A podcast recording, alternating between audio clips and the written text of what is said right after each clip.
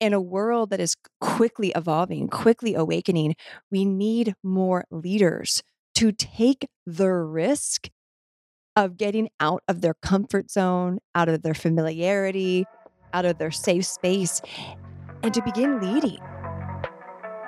This is a Soul Fire production.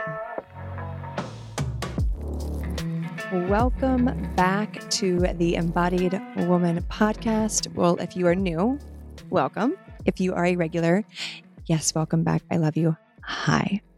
I am a lover of books, all books. And it's part of my routine and also is my source of remembrance and activations within me. I believe everything that we read in books is not ever new. It's coming from the collective. It's coming from a cloud, so to say. And so when I read a book and remember something that the author is writing and it activates within me, I just, I salivate over those moments. I was leading a masterclass, the Why My Offers Sell Themselves. And uh, one of the women on the call asked, Can you sell the highlighter? Teach us how to sell the highlighter. And I bring this up because I love the feeling of putting that yellow highlighter to paper and allowing it to be a mirror of what came through for us and then earmarking it and coming back to later if we get sidetracked or forget what we remembered. And the book that I read recently that is the inspiration for today's episode was around leadership, community building, tribe. And what I loved about this book is the reminder that everyone is capable of being a leader. In today's world where being an entrepreneur is glorified, we forget that not everyone wants to be that type of in a box leader. That you can lead in many, many different ways. You can lead as the mother of your household. You can lead a book gathering with other women in your community. You can lead in someone else's community. You can also lead as a coach or a mentor.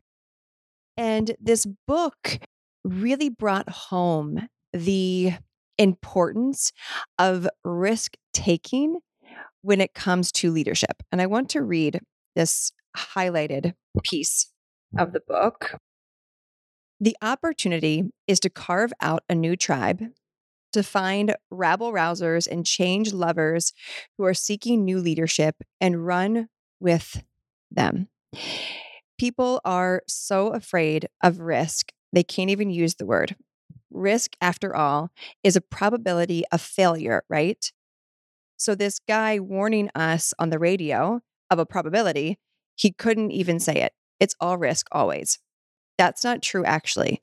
The only exception, it's a certainty that there's risk. The safer you play your plans for the future, the riskier it actually is. That's because the world is certainly, definitely, and more than possibly changing.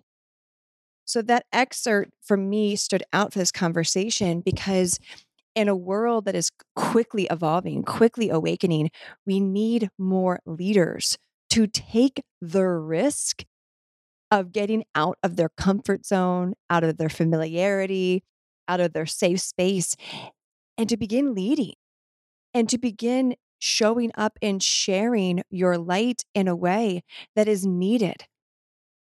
So, when you think about your life right now, whether you're a coach, mentor, or not, whether you want to be a coach or don't want to be a coach, think about the ways that you love to support people or support a mission or to start something new, like a book club, like a painting group, and you are the initiator of it.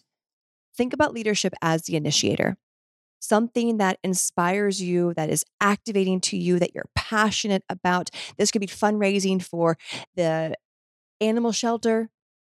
But then the first step, the risk that he's referring to in this book, is to actually take action on that. So, what in your life inspires you, activates you, that you're passionate about? How can you get out of your comfort zone if you found yourself in one and start to lead in that?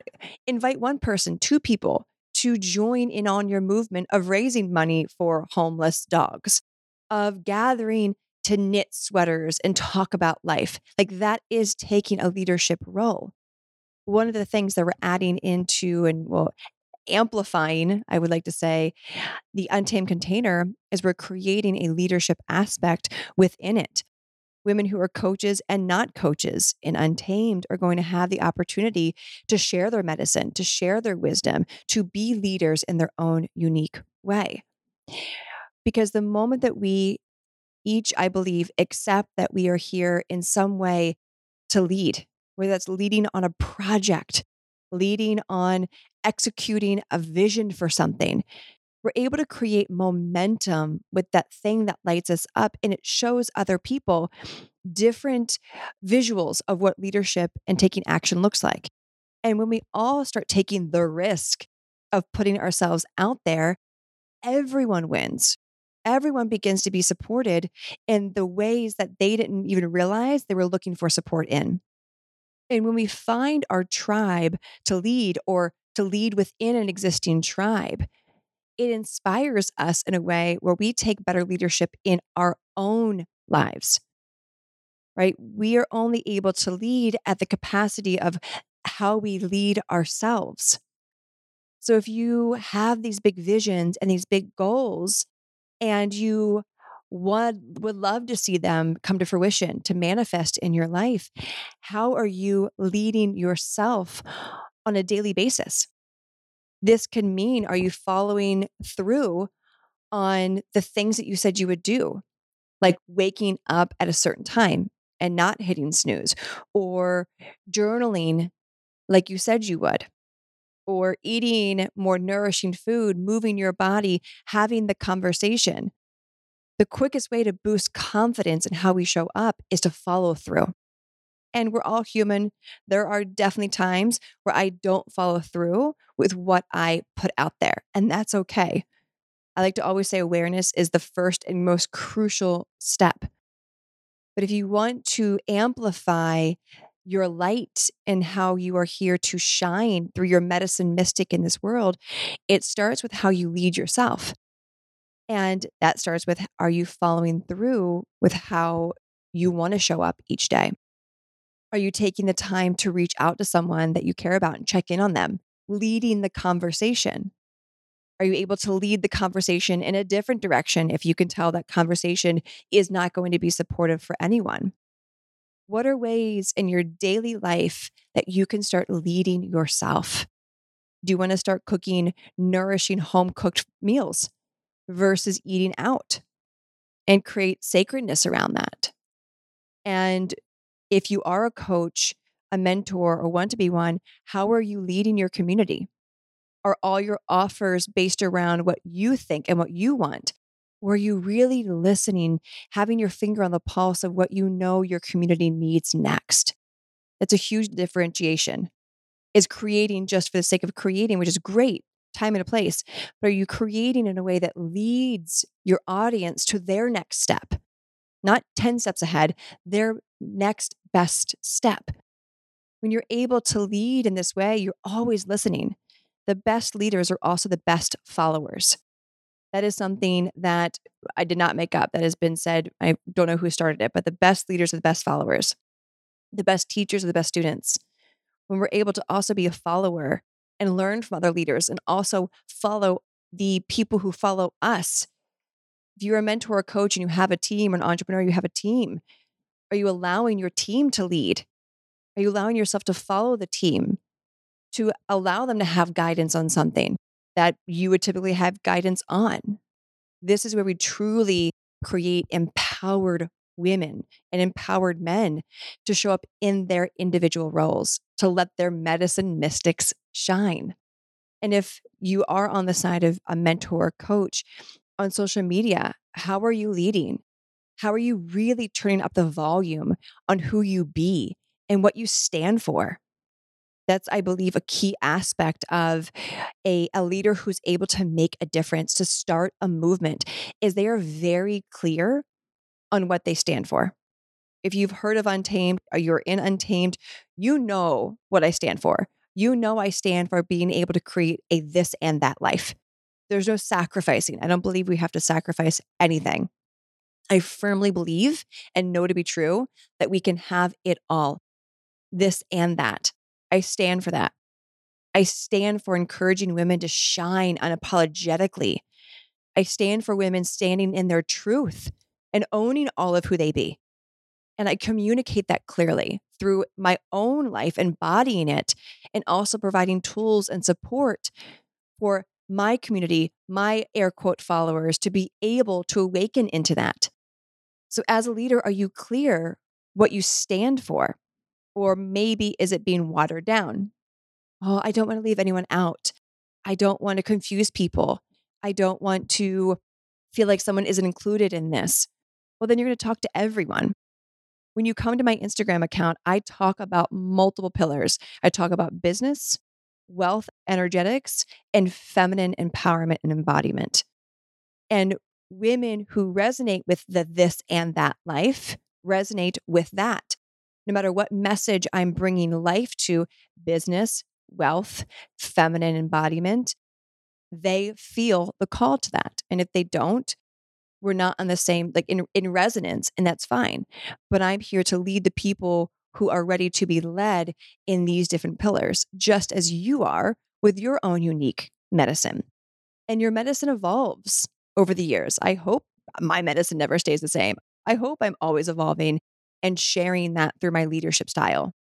And as you step into a leadership role, remember there's always room for growth. We get to really also see the shadows, see the aspects of how we can become a better leader, a better communicator. I know for me, communication is something I'm always looking to refine on. So everyone feels seen, heard, understood, and a sense of belonging, and a sense of trust of the overall vision. So if you are someone who's been in a leadership role, where can you also then shed light on areas of how you are a leader to improve on? Always room for improvement. That's where we get to be the student and ask the people that are in your inner circle hey, what are some aspects of myself that you know me best that I could bring to the light that aren't serving my or the highest good? ask people around you, get honest feedback, get people around you that aren't yes people all the time. That's a quality of a great leader, being able to hear that kind of feedback and alchemize it. No one's perfect. And so when you, as a leader, show that and are able to change and transform that, it shows other people who are in your community that they can do it too. So, where are you still doubting your ability to step into a higher, more embodied role? Where do you still think that leadership looks a certain way and that you must be doing something wrong? Where can you accept the fact that this is your definition of leadership or that's your definition of leadership? And then start to take action from there. Right? This message isn't for people who just want to stay home and twiddle their thumbs and knit all day. Like, do that every once in a while. This is a message for people who do want to be leaders and who do want to create tribe, whether that is knitting with your tribe, but doing it in a way where you are the one that initiated it. And then what happens the moment you begin taking the risk, as this author said, to start showing up and to start taking action is that the other areas of your life improve as well. You've heard me say it before. How we do one thing is how we do everything. So when you focus on how you're leading yourself, how you're leading other people in whatever way that means to you, your health is going to improve. Your happiness is going to improve. Your relationships are going to improve because the frequency of intentional leadership is going to weave through those areas. And so you might see areas of your life that are trying to be brought up by this, but there are some things that you might need to address. You might need to dissolve, to release, to realign with. Amazing knowing that when we focus on one area of our lives and prioritize it, it's also going to shine light on the other areas of our lives too. So I like to call that shadow stalking. When you are about to go into something and you know yourself well enough that when I do this, most likely this thing is going to happen either a perspective, a cycle. How can I address it now? So when it does arise, I can deal with it and alchemize it in a quicker, more aligned way versus, oh, here we are again. Leadership, embodied leadership, intentional leadership is of a expansive vibration. So take that sacredly and move through that intentionally. If you have social media and whether it's 10 people following you or 50,000, how are you allowing what you find to be important in your life and for the greater good to be seen and to be heard. If you want to be a leader in raising money for homeless animals, are you sharing that with your community? It's that simple. And if you're the mentor, how are you amplifying your medicine? Maybe you're ready for an evolution, or other people refer to it as a pivot. I call it an evolution because there's no turning in a different direction. You're just evolving into an, a new timeline? Is it time to evolve into that new timeline? Is it time to evolve into the next iteration of yourself online? Is it time to go through a rebrand, a social media just refocus? Maybe hire someone to help you with that. Have your team support you with that. This will allow your community to understand that you are going through an evolution, and those who feel that resonance will follow along as well. Being a leader doesn't make you any better or less than other people. You're just taking the initiation to gather a group of like minded people with one mission and moving forward. Example the Untamed Festival. I took the leadership on allowing this idea to come through, and I hired the people to help make that physically happen. And the people that are coming to the festival, they are the tribe that I've gathered for us. And so when you create, take action on something and you call in your people, it becomes the community. It's not about you leading. Now it's we. This is where your community and your tribe grows. They they become walking testimonials of, hey, come join this tribe. Everyone feels seen, supported, heard because the leader is listening. But the women who are signing up and will continue to sign up for the festival, they feel that. I know they feel that because it's infused in everything that we do. This sense of we, this sense of community.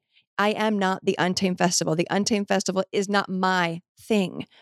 It's something that I allowed to come through and took action on and led people to gather to help create the back end things to make it happen.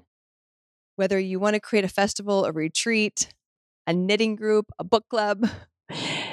That's an example of how you can do it and and hear your people and what they need next. What book do they want to read next? So remember that you are a leader in your own right. To put yourself in communities and groups that amplify that, that give you opportunity to be a leader, to learn how to be a leader if you don't know yet. And if you are a leader, this is your reminder to turn up the volume, to turn up the heat, and allow yourself to be an even more potent, even more in your medicine mystic leader than you've ever been before because the world needs you and needs your leadership. I need your leadership. We need your leadership. I hope that this episode inspired you, activated you, was the perfect quickie to remind you of what you already know, I hope to be true. Be sure to share this, screenshot it, put it on your story, share the link with a friend that you have a feeling would really be inspired by this, because this is how we create a ripple effect as a community. Because this is, this podcast is a community. I'm just here to initiate the conversation. Thank you for tuning in. Thank you for hanging out. As always, choose happiness, choose joy, choose rage, whatever it is, just choose it because why the fuck not? Talk to you on the next episode. Bye.